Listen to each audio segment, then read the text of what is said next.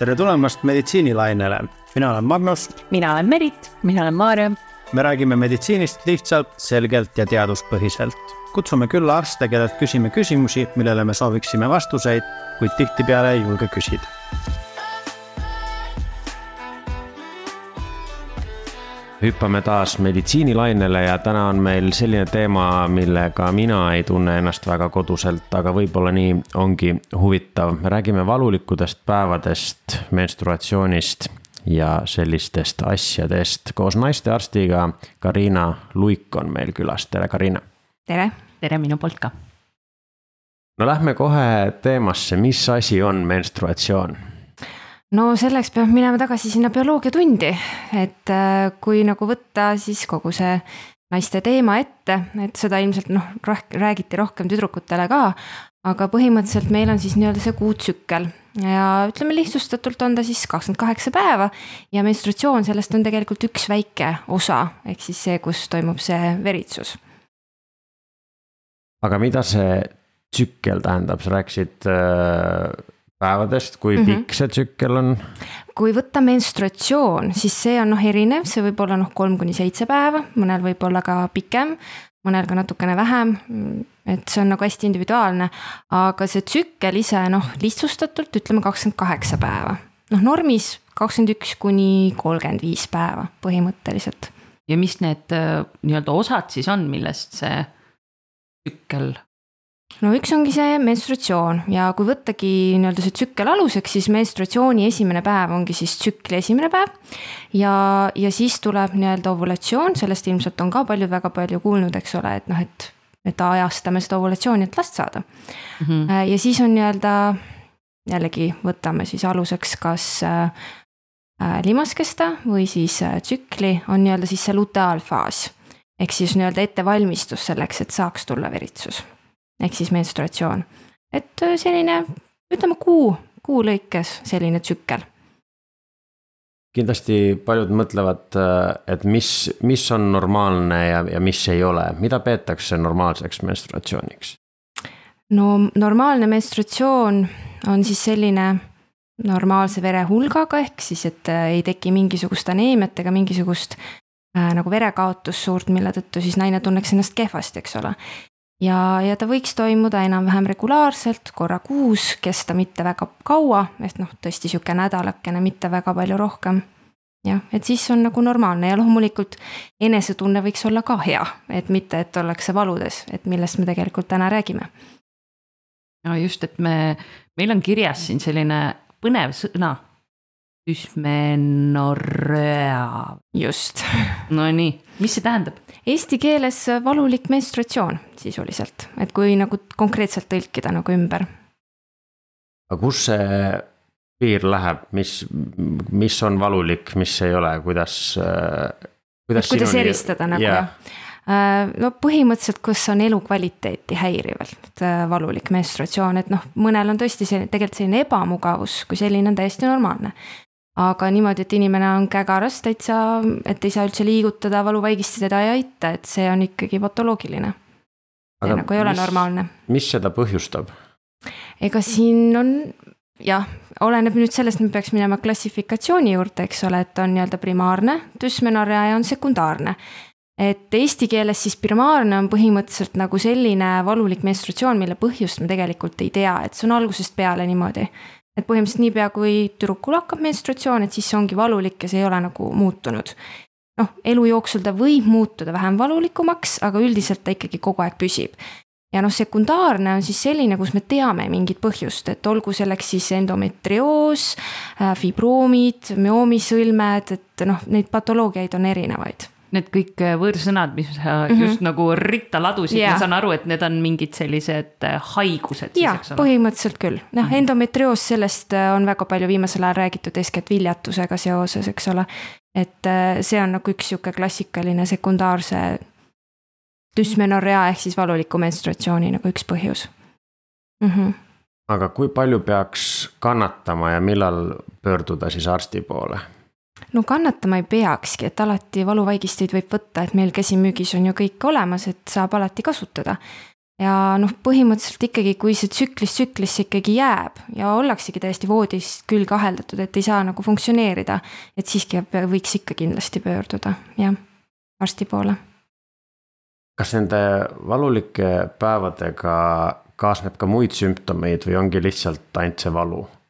Ei, mitte alati, et seal on ka sihukest iiveldust ja sageli on ka sihukeseid kõhuprobleeme, et noh, mõnel on kinni, mõnel on lahti et äh, siukseid meeleolu kõikumisi, kõik siukseid asju, et ähm, jah, teisi sümptomeid on ka, aga põhi, põhiasi on ikkagi see valu, mis siis elukvaliteeti olulisel määral häirib. aga kas esimesena peaks pöörduma perearsti poole? No meil Eestis selles mõttes on hea, saab kohe naistearsti juurde tulla, et mingisugust saatekirja midagi ei ole. aga võib ka vabalt perearsti juurde, et kui seal tunne, tunne, noh, tuntakse ennast palju nagu mugavamalt. kuidas see ma nüüd pöördun perearsti poole mm -hmm. või naistearsti poole, poole, kuidas see diagnoosimine käib? põhimõtteliselt kliiniku põhjal, kui on meil siis tegemist selle teadmata põhjusega valuliku menstruatsiooni põhjal või noh, diagnoosiga, aga kui on nii-öelda see sekundaarne, siis me otsime noh, seda patoloogiat ikkagi mm. -hmm. palju on selles mõttes ka see, mida naine nagu räägib, et noh, et millal tal tekkis see valulik menstruatsioon. et kas see on tal kogu aeg olnud, et, et see noh, annab meile väga palju infot kohe juurde aga kas selle teemaga käib kaasas ka nagu elustiil, et kuidas see mõjutab seda valulikkust, kas me saame ise midagi teha selleks, et seda vähendada? tervislikud eluviisid on ikka head jah et tegelikult äh, on palju uuringuid tehtud küll selles osas, et näiteks füüsiline koormus ja valulik menstruatsioon. et kui ikkagi olla füüsiliselt aktiivsem, et sellisel juhul seda valulikkust on vähem, et seda on tegelikult uuringutes nagu näidatud oma praktikas olen näinud seda ka. ma kujutan ette, et on igasuguseid müüte, et äh, ka toitumise korral, et, et oh, sööd jaa. ühte asja või teist asja ja siis äh, igasugused toidulisandid ja, ja ikka, ikka. aga kas, kas sellel on mingi tõsi taga või need ongi puhtalt müüdid ähm,? selles mõttes, et tervislikud eluviisid, no ma ei, mingit toidulisandit või mingit sellist asja ei ole nagu väga võimalik nagu välja tuua. et tuleb lihtsalt ise proovida ja katsetada, et äh, üht-teist võib aidata küll, aga see ei pruugi alati kõigil niimoodi olla. et just eriti, kuna me selle primaarse düsmenorrea puhul me ei tea, mis see algpõhjus on tegelikult. ja see sageli nagu kipub olema ka perekonniti, et noh, et ühe pere naistel on näiteks, et siis äh, meil ei olegi nagu sihukest head nagu vastust, et kust, et mis toidulisand siis nagu võiks aidata. Ehk ma saan õigesti aru mm, -hmm. et siin on ikkagi mingisugune geneetiline taust ka? võimalik, meil ei ole küll konkreetselt mingit geeni ega mingit paneeli, mida me saame nagu määrata, aga noh, me näeme nagu põlvkonniti ikkagi jah, sellist esinemist perekondades küll jah sa mainisid, et äh, valuvaigistit võib võtta, aga kas te määrate ka mingisugust muud ravi?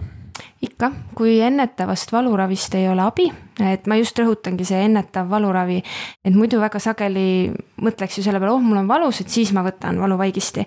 aga nüüd selle valuliku menstruatsiooniga on selles mõttes hästi hea, et see menstruatsioon annab üldiselt naisele nagu märku ahah, et noh, ma juba arvan, et ta võiks hakata tulema ja siis tegelikult ta saab juba ennetavalt seda valuravi võtta regulaarselt. ja mõte ongi selles, et ta saaks funktsioneerida normaalse inimesena.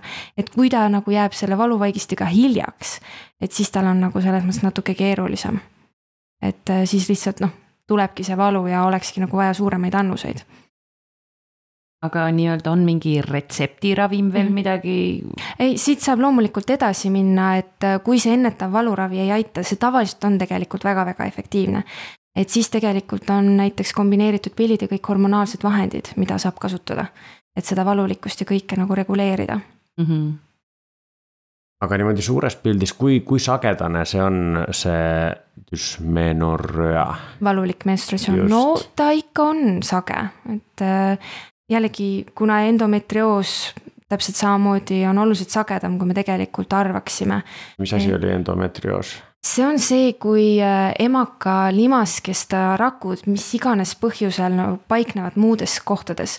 ta võib olla emaka pinnal, ta võib olla kõhukoopas, ta võib olla munasarjal, siis me kutsume seda nagu endometrioomiks, ehk siis ta on nagu tsüst seal munasarjas.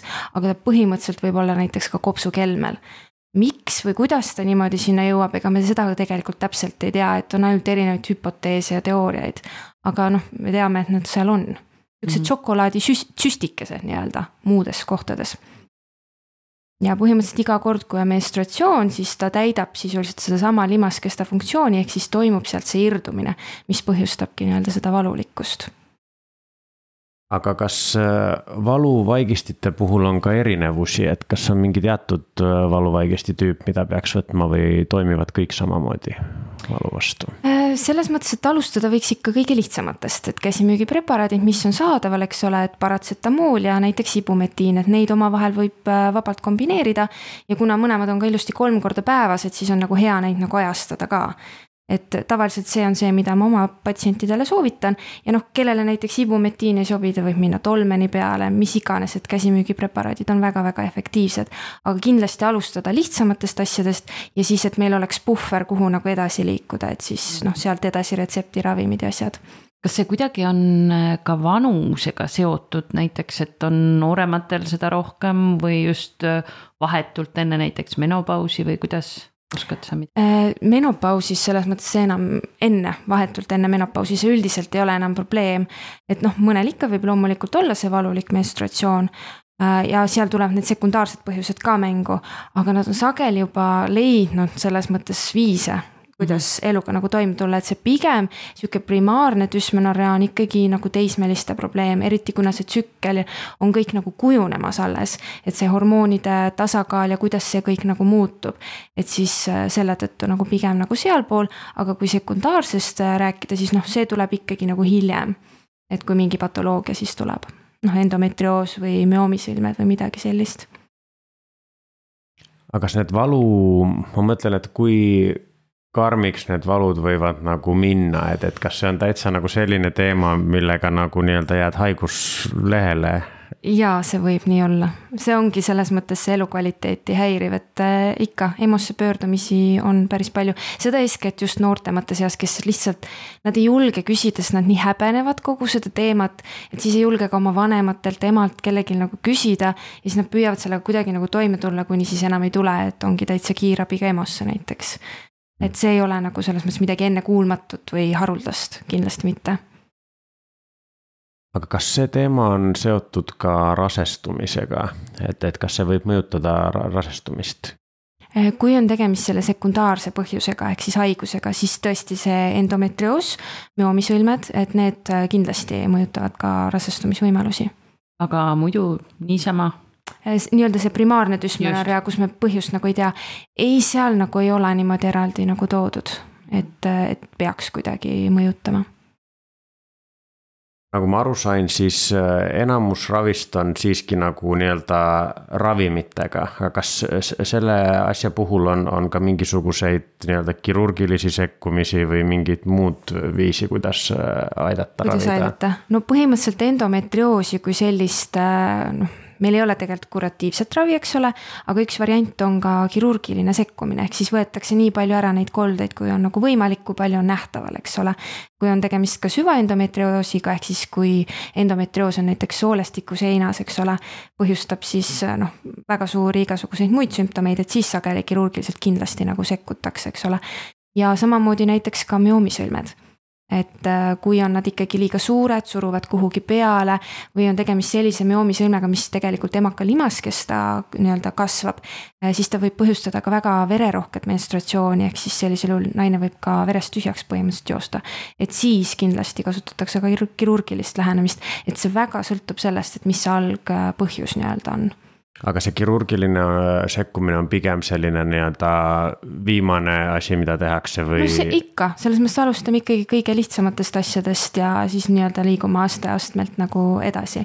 ja noh, siin tuleb ka jällegi see äh, nii-öelda rasestumise teema, eks ole, et äh, millal näiteks üldse, üldse nagu endometrioosi kirurgiliselt nagu ravida. et kuna me teame, et ta tuleb alati nagu tagasi, et siis põhimõtteliselt ka ajastamine nii-öelda rasestust, noh rasestumisega on väga nagu oluline sest iga kord ei taha sinna kõhtu minna, jah.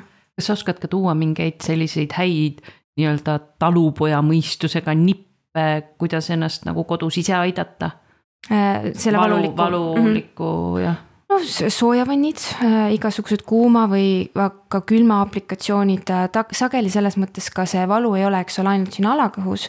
et see tegelikult kiirgub ka näiteks alaselga, et nii mõnigi nagu armastab panna sellist külma või ka kuuma siis sellesse piirkonda, noh mingid kuumakotid, midagi sellist.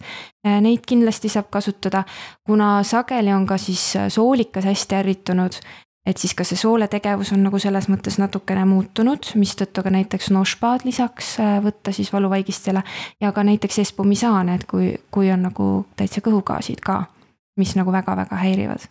Ja noh, loomulikult võtta vähe rahulikumalt, mitte siis tõesti kümmet asja planeerida oma päeva peale. et see on ka kindlasti asi, mis, mille peale nagu peab mõtlema, et need peavad võtta vähe rahulikumalt. aga kas see on selline teema, mis nagu läheb ka nagu mööda, võib mingi hetk lihtsalt mööda minna ise? Äh, no selles mõttes jah, naised räägivad küll, et justkui pärast sünnitusi on parem. et äh, noh, jällegi palju asju naise elukaare jooksul kogu aeg muutub et äh, võimalik, et läheb paremaks, aga jällegi siis võib toimuda uus ägenemine, stress on ju uus moehaigus, eks ole. et stress väga palju selles mõttes äh, mõjutab ka seda kogu tsüklit ja ka seetõttu menstruatsiooni, et kuidas ta tuleb, kas ta tuleb õigel ajal, on ta valulikum, ei ole ta vähem, et, et see on nagu hästi sõltub. et on olemas äh, nagu selliseid noh, põhimõtteliselt, et ütleme, et näiteks on, on äh, suurema stressi aeg elus mingi yeah. periood. ja siis, siis läheb, need valud lähevad tugevamaks ja kui stress või... väheneb, siis ka valu võib minna väiksemaks see on hästi individuaalne jällegi, et mõni on ju selline, kes reageerib pingelangusele hoopis, et stressi ajal on kõik, kõik väga tipp-topp korras. ja siis nii-öelda tuleb see pingelangus ja siis tuleb nii-öelda kõik see nagu mm -hmm. kamalaga tagasi. et, et ähm, hästi individuaalne selles osas ei saa öelda niimoodi, et jah, nii on. jah, jah, et sihukest kivisse raiutud asja ei ole kindlasti jah mm. -hmm kuidas sa oma töös näed, kas see on, sa ütlesid, et võib-olla nooremad tüdrukud ei, ei julge rääkida sellest ja ei mm -hmm. julge tuua välja, välja neid valusid ja, ja rääkida sellest, aga et kas, kas selles nagu on olnud arengut, et kas tänapäeval räägitakse rohkem kui näiteks veel kümmekond aastat tagasi? ma usun küll, et kindlasti nii on selles mõttes meil on ju need noortekabinetid, et äh, see on kindlasti väga palju nagu muutnud. et äh, kui nad ei lähe nagu noh, noored nii-öelda tõesti sinna haiglakeskkonda, kus on kõik nagu muud rasedad ka seal kõrval, et see tegelikult väga palju mõjutab. Nad lihtsalt ei julgegi sinna minna. et sihukesed seksuaaltervise kliinikud, noortekabinetid, et need väga aitavad tegelikult siinkohal ka nagu üleskutse, et kui on ikkagi mure, tasub, tasub pöörduda ja. mitte üksi jääda ja mitte üksi jääda kindlasti. mul tuli veel meelde selline asi, et, et noored kindlasti veedavad palju aega sotsiaalmeedias ja võib-olla ka otsitakse sotsiaalmeediast informatsiooni selle teema kohta, et, et kui palju levib valeinfot oi, ma, ma ütlen ausalt, mina doktor Google'it väga ei usalda. et seal peab ikka filtriga neid asju vaatama, Foorumid, perefoorum, pole kunagi vaadanud, aga ma tean, et seal on ikka mm -hmm. sihukest infot, et ikka kuuled igasugustest müütidest ja asjadest, et, et vahest ikka juhtub vastuvõtul küll niimoodi, et pokkeri nii-öelda nägu tuleb peale, et ahah, okei okay,, vaatame, kuidas asjad tegelikult nüüd on et ikka tuleb siukseid kilde küll ja mm. -hmm on, on ka nagu selles mõttes, mõttes suund sinna, et võib ka midagi nagu ohtlikku reaalselt seda õnneks ei ole ei selles ole. mõttes, aga noh, ega interneti avarus on kõike täis, nii et põhimõtteliselt kõik on võimalik. et ta, inimesed ka lihtsalt, kes nagu niisama nii-öelda naljaviluks äh, selliseid äh, infosid nagu, mis võivad nii-öelda inimesi kahjustada ju, levitavad ikka. et ikka teatud filtriga tuleb asju nagu vaadata, jah et üld, üldpildis võiksime soovitada, et pigem see kodune valuravi ja kui, kui see ei tööta, siis ikkagi arsti juurde. jah, ja siis sealt saab edasi vaadata, et äh, see kindlasti ei ole nagu ainuke asi, millega saab nagu tegeleda, et ainult valuravi, et. et tõesti need kombineeritud äh, hormonaalsed vahendid igasugused väga-väga palju aitavad. et äh, ja kui on ka vaja rasestumisvastast kaitset, siis see on sisuliselt kaks kärbest ühe hoobiga aga kas see valulik menstratsioon, kas see võib nagu, kas see võib viidata ka mingisugustele muudele tõsisematele haigustele? no ja kui me mõtleme näiteks äh, soole ärritunud sündroom, et põhimõtteliselt ka seda äh, mõned klassifitseeritavad kui, klassifitseerivad ka kui sekundaarse düsmenorrea alla mm, -hmm. sest noh, nad on niivõrd omavahel nagu seotud ka ja nii lokalisatsiooni kui ka tegelikult äh, nii-öelda sellest, kus äh, midagi on arenenud. et emakas ja soolikas, et äh, samast idulehest. Mina olen vähemalt saanud väga palju targemaks sellel, sellel teemal, kas on veel mingisuguseid soovitusi, mida sa soovid jagada mm,? noh, kindlasti ongi see, et mitte häbeneda, et noh, juba see on tegelikult julgus, kui üks noor, noh, teismeline eeskätt tuleb nagu naistearsti vastuvõtule aga et siis ka julgelt nagu rääkida, et ähm, me ei hammusta, ausalt ei hammusta.